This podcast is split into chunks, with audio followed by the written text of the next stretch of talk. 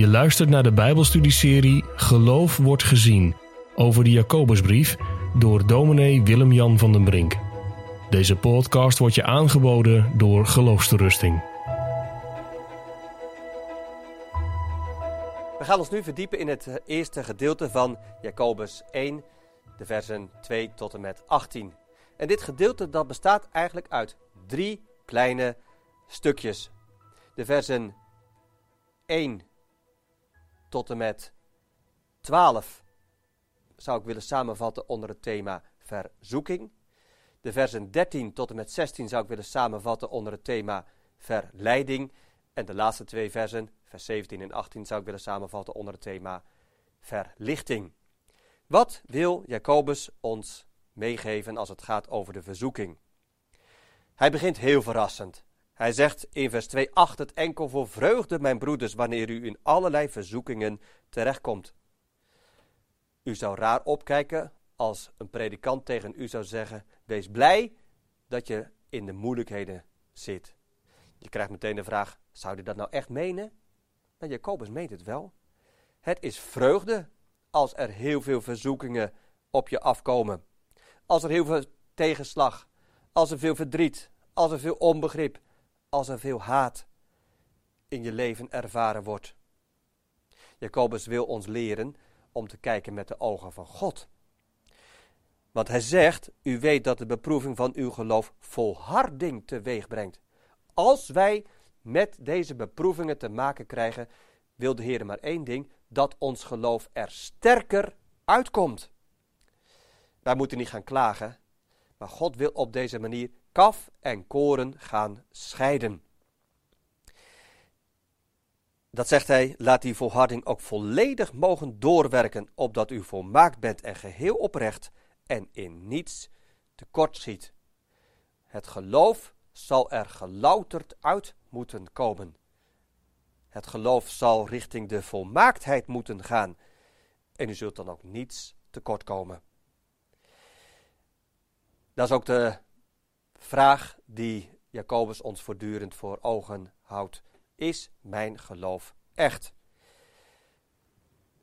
Het woordje volkomen, volmaakt, is een prachtig woord. Wij mogen dan ook denken aan een lam dat volmaakt moest zijn en zo aan God opgeofferd moest worden. Misschien hebt u ook wel nu de neiging om te denken: ja, maar dat kan ik toch niet zo met deze verdrukkingen, met die beproevingen omgaan. Jacobus die zegt, dan moet je tot God bidden. In vers 5, als iemand van u in wijsheid tekortschiet, laat hij die dan vragen aan God, die aan ieder overvloedig geeft en geen verwijten maakt, en ze zal hem gegeven worden. Bidt u ook om wijsheid, als u met zulke beproevingen te maken krijgt? Bidt u om wijsheid als u niet weet welke kant u op moet gaan in uw leven? Het is zo mooi dat Jacobus zegt dat God dan niet achteraf met verwijting komt. Wij hebben die neiging wel. Als wij zeggen dat het weer vlak is, maar achteraf toch nog weer iemand, als het ware, verwijten wat hij ooit heeft gezegd. Maar zo is God niet. En God heeft een prachtige belofte erbij gegeven. Als iemand wijsheid tekortschiet, ze zal hem gegeven worden. Maar er is één voorwaarde, zegt Jacobus in vers 6. Wij moeten bidden in geloof. Laat hij er in geloof om vragen en daarbij niet twijfelen. Jacobus gaat dan een prachtig beeld gebruiken, namelijk het beeld van de golven van de zee. We zijn allemaal wel eens bij de zee geweest. En als je een stuk hout in de zee gooit, wat zie je wat er met dat stuk hout gebeurt? Dat gaat op en neer, heen en weer. Jacobus zegt, iemand die twijfelt, en niet vertrouwt op God en denkt: zou dit wel doen, zou dit niet doen, die lijkt op zo'n stuk hout op de golven van de zee en dat gaat op en neer. Letterlijk gebruikt Jacobus het woord dubbelhartig in vers 8. Hij is een dubbelhartig man. Iemand die psychikos, zegt de Griekse tekst, iemand met twee zielen. Een, een gespleten persoon. Hoeveel mensen zijn er niet dan soms de Heer wel vertrouwen en even later de Heer weer diep wantrouwen. Dat is heel aangrijpend dat er veel van zulke mensen zijn. Jacobus zegt, als je zo met God omgaat, altijd blijft twijfelen, dan moet je niet denken dat je iets van God krijgt. En daarom dat begeren in geloof, dat is echt wezenlijk. Hij zegt ook wie blijft twijfelen, die moet niet denken dat hij iets zal krijgen. Zo iemand moet niet denken dat hij iets ontvangen zal van de Heer. Ik kwam een prachtig voorbeeld tegen om dat duidelijk te maken. Het lijkt als het ware op een ritsluiting. Als die aan één kant er niet goed in zit, dan kun je trekken en trekken en trekken, maar je komt maar gewoon niet verder. Nou, zo zijn heel veel mensen. Die lijken op een ritsluiting. Ze willen de boel bij elkaar trekken, maar ze komen niet verder. Jacobus zegt van deze mensen, die God altijd wantrouwen en dan weer eventjes een klein beetje vertrouwen, dat dat dubbelhartige mensen zijn. Hij zegt daarna in vers 9, laat de broeder die nederig is, zich beroemen op zijn hoge staat. Prachtig wat Jacobus hier doet. Hij, hij ligt als het ware één tekst eruit, waarvan hij weet dat deze mensen die in de verstrooiing zijn, ongetwijfeld mee te maken krijgen. Arme mensen, een broeder die nederig is. En wij vinden het allemaal, als we heel eerlijk zijn, ook best wel moeilijk om te erkennen dat er soms momenten zijn dat wij arm zijn. Het gaat eigenlijk, als, het gaat eigenlijk over iemand die rood staat, die een lege portemonnee heeft. En dat voelt wel heel erg vernederend. Wat gebeurt er dan als wij rood staan? Dan komt de neiging in ons naar boven om te gaan stelen. Dat is een beproeving die de duivel ons dan influistert. Man, ga toch stelen. Of ga toch zwart werken. Of vul je belastingaangifte net iets voordeliger in. Dat scheelt weer een paar honderd euro. Jacobus zegt, je kunt beter arm met God zijn dan rijk zonder God. Hij zegt in vers 10, kijk eens nou hoe met die rijke mensen afloopt. De rijke in zijn nederige staat, die zo als een bloem in het gras voorbij gaan. Nou, Jacobus zet zo de Joodse chageraars, die Joodse handelaars, het met beide benen op de grond. Jacobus is heel eerlijk. Hij zegt als je sterft, het beeld van de bloem die afgesneden wordt, dan neem je geen euro mee. De rijke zal als een bloem vergaan. In vers 11 werkt hij dat nog verder uit, want de zon is opgegaan met haar hitte en heeft het gras doen verdorren. Ook is zijn bloem afgevallen en is de schoonheid van zijn uiterlijk verloren gegaan. Zo zal ook de rijke in zijn wegen verwelken. We denken allemaal aan Psalm 103, waar dezelfde beeldspraak gebruikt wordt. Rijke mensen komen uiteindelijk om. Als je niet God op de juiste wijze dient, en als je toch denkt dat je de armoede zonder God kan oplossen door toe te geven aan de duivelse beproevingen, dan raak je God kwijt. Jacobus zegt, zo kan het niet. En daarom zegt hij ook nog in vers 12, zalig is die man die de verzoeking verdraagt, die toch kan volharden. Want als hij beproefd is gebleken, dan zal hij de kroon van het leven ontvangen. Prachtig beeld wat Jacobus zo voor ogen schildert. Denk maar aan de renner die in de loopbaan, Olympische Spelen, voor één ding gaat: het einddoel behalen. Jacobus zegt: wie zo met God leeft, ook in de beproevingen, dan zegt de Heer, die krijgt van mij de kroon des levens. De Heere belooft die kroon des levens aan hen die hem liefhebben. Wat een heerlijk vooruitzicht voor de ware christen midden in de beproevingen. In vers 13 gaat Jacobus verder met het thema verleiding, het tweede onderdeel van de versen 2 tot en met 18. Het gevaar is namelijk heel groot dat als die beproevingen, als die verleidingen op ons afkomen, dat wij denken, ja maar God doet dat. God brengt mij in deze moeilijke, nare omstandigheden. Want God gaat toch immers over alle dingen.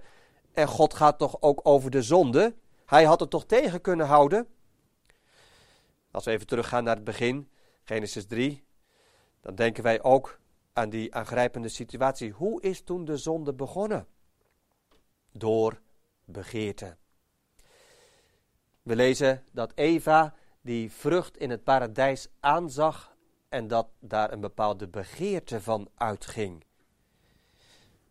Zo vindt de begeerte aansluiting in ons menselijk hart. Er komt een bepaalde neiging dat je zegt: dat lijkt me fijn, dat wil ik ook. Dat is de eerste stap, begeerte. En als je aan die stap toegeeft, dan ga je verlokt worden en dan ga je heel snel mee op het pad van de zonde. Laat niemand zeggen, als hij verzocht wordt, zo zegt Jacobus in vers 13, ik word door God verzocht. Jacobus zegt, dat is niet waar. God verzoekt ons niet. God kan immers niet verzocht worden met het kwade en er zelf verzoekt niemand. Hier wordt ook een prachtig beeld gebruikt. Ieder mens wordt verzocht als het door zijn eigen begeerte wordt meegesleurd en verlokt. Zo lezen we in vers 14. Dat is het beeld van de jacht. Een jager, misschien hebt het wel eens meegemaakt, is in staat om een bepaalde val neer te zetten. Thuis doen wij dat ook met een muizenval. En je stopt er een stukje kaas in. En die muis die proeft als het ware, daar is iets lekkers. De begeerte lokt die muis naar de kaas toe. En als die muis toegeeft aan die begeerte, wat gebeurt er dan? Dan slaat in één keer de muizenval dicht en is de muis dood. Nou, zo, zegt Jacobus, eindigt ook het toegeven aan de verleiding. Hij zegt in vers 15 daarna, wanneer de begeerte bevrucht is, baart ze zonde, en wanneer de zonde volgroeid is, baart ze de dood. Aangrijpend dat zo het leven van elk mens zal eindigen uiteindelijk in de eeuwige dood. Dat is wat Jacobus hier ons meegeeft. Stap voor stap worden wij meegevoerd op het pad van de zonde. Begeren, verlokken, toegeven, zonde, de dood. Jacobus kan maar één ding doen. In vers 16 ons een indringende oproep geven. Dwaal niet, mijn geliefde broeders. Ga God niet beschuldigen. Ga niet de schuld van je afschuiven.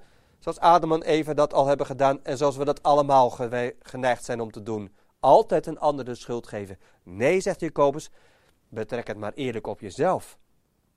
Ik voel de neiging om te stelen. Ik voel de neiging om God de schuld te geven. Ik voel de neiging, als ik rijk ben, om trots te zijn op mijn eigen prestaties. Jacobus wil ons leren dat God nooit achter het kwaad, dat God nooit achter de verzoekingen zit. Wij worden uiteindelijk zelf door onze eigen begeerlijkheden afgetrokken en verlokt, meegesleurd. Ziet u de tegenstelling? Aan de ene kant de mensen die in de beproevingen mogen volharden, zij krijgen de kroon des levens. En tegelijkertijd die mensen die meegaan op het pad van de zonde, zij komen om in de eeuwige dood. Ons zondig hart brengt ons in de dood. Wat is de enige weg? Dat is wat Jacobus in de versen 17 en 18 zegt, de verlichting door God. En zo maakt Jacobus als het ware een nieuwe denkstap. Hij zegt, God zit niet achter het kwaad, want God is enkel goed. Elke goede gave en elk volmaakt geschenk is van boven en daalt neer van de Vader der lichten, bij wie er geen verandering is of schaduw van omkeer. Misschien dat u ook wel denkt, waarom gebruikt Jacobus opeens het beeld van het licht? Wat zit daar toch achter? Als we even terugdenken aan het allereerste begin van de wereld, wat heeft God als eerste gezegd? Er zij licht. En God heeft op de vierde dag zon, maan, sterren, die miljarden sterren geschapen. Hij is de vader van de lichten. Maar God is dus geen duisternis. En wat zie je? Dat de Bijbel licht en donker verbindt met het goede en met het kwade. Het kwaad is beeld voor de duisternis, licht is het beeld voor het goede. We weten allemaal dat in de nacht heel veel kwaad wordt bedreven. Wat zegt Jacobus? Maar bij dat, dat kwade mogen wij niet aan God denken. God is enkel licht. Bij hem is ook geen verandering. Bij hem is ook geen schaduw van omkeer. Wie het altijd als een astronoom een beetje bijhoudt wat er gebeurt in het grote heelal, weet dat sterren imploderen en verdwijnen. We kennen eerste kwartier, laatste kwartier van de maan. We hebben wel eens gehoord van een zonsverduistering. Al die lichten, die kunnen nog veranderen. Maar uiteindelijk de grote bron van het licht, God zelf, verandert niet. Bij God is geen kwaad te vinden. God is als het ware de eeuwig, eeuwige bron van het goede. De grote, constante. En wat is dan de machtige boodschap van deze hemelse Vader? Dat Hij, die zondige mensenkinderen, wil baren door het woord van de waarheid. Hij wil harten van binnenuit vernieuwen. Overeenkomstig zijn wil, zegt Jacobus in vers 18, heeft Hij ons gebaard door het woord van de waarheid, opdat wij zeker opzichten, opzicht, eerstelingen van zijn schepselen zouden zijn. Prachtige belofte. Die goede God brengt leven voort. Opnieuw dat woordje baren. Geen baren tot de dood, maar baren tot het leven. En welk middel gebruikt de Heer daarvoor? Zijn woord, het woord van de waarheid. Dat is de wijze waarop God mensen, kinderen tot het geloof in Jezus Christus brengt. Hij wordt niet voor niets het licht der wereld genoemd. In Jezus Christus maakt God mensen, kinderen tot nieuwe kinderen. En Jacobus zegt, jullie zijn nog maar de eerstelingen. Het eerste deel van die enorm grote oogst die straks nog komen zal. Wat een heerlijke belofte geeft de Heer ons mee in deze prachtige brief. Wat is de grootste wens? Voor u is het nodig, voor jou is het nodig dat jij zo als een kind in die waarheid mag gaan wandelen.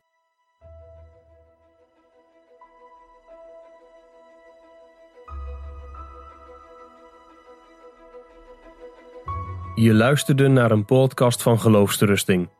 Wil je meer luisteren, lezen of bekijken? Steun dan onze missie en ga naar de website geloofsterusting.nl.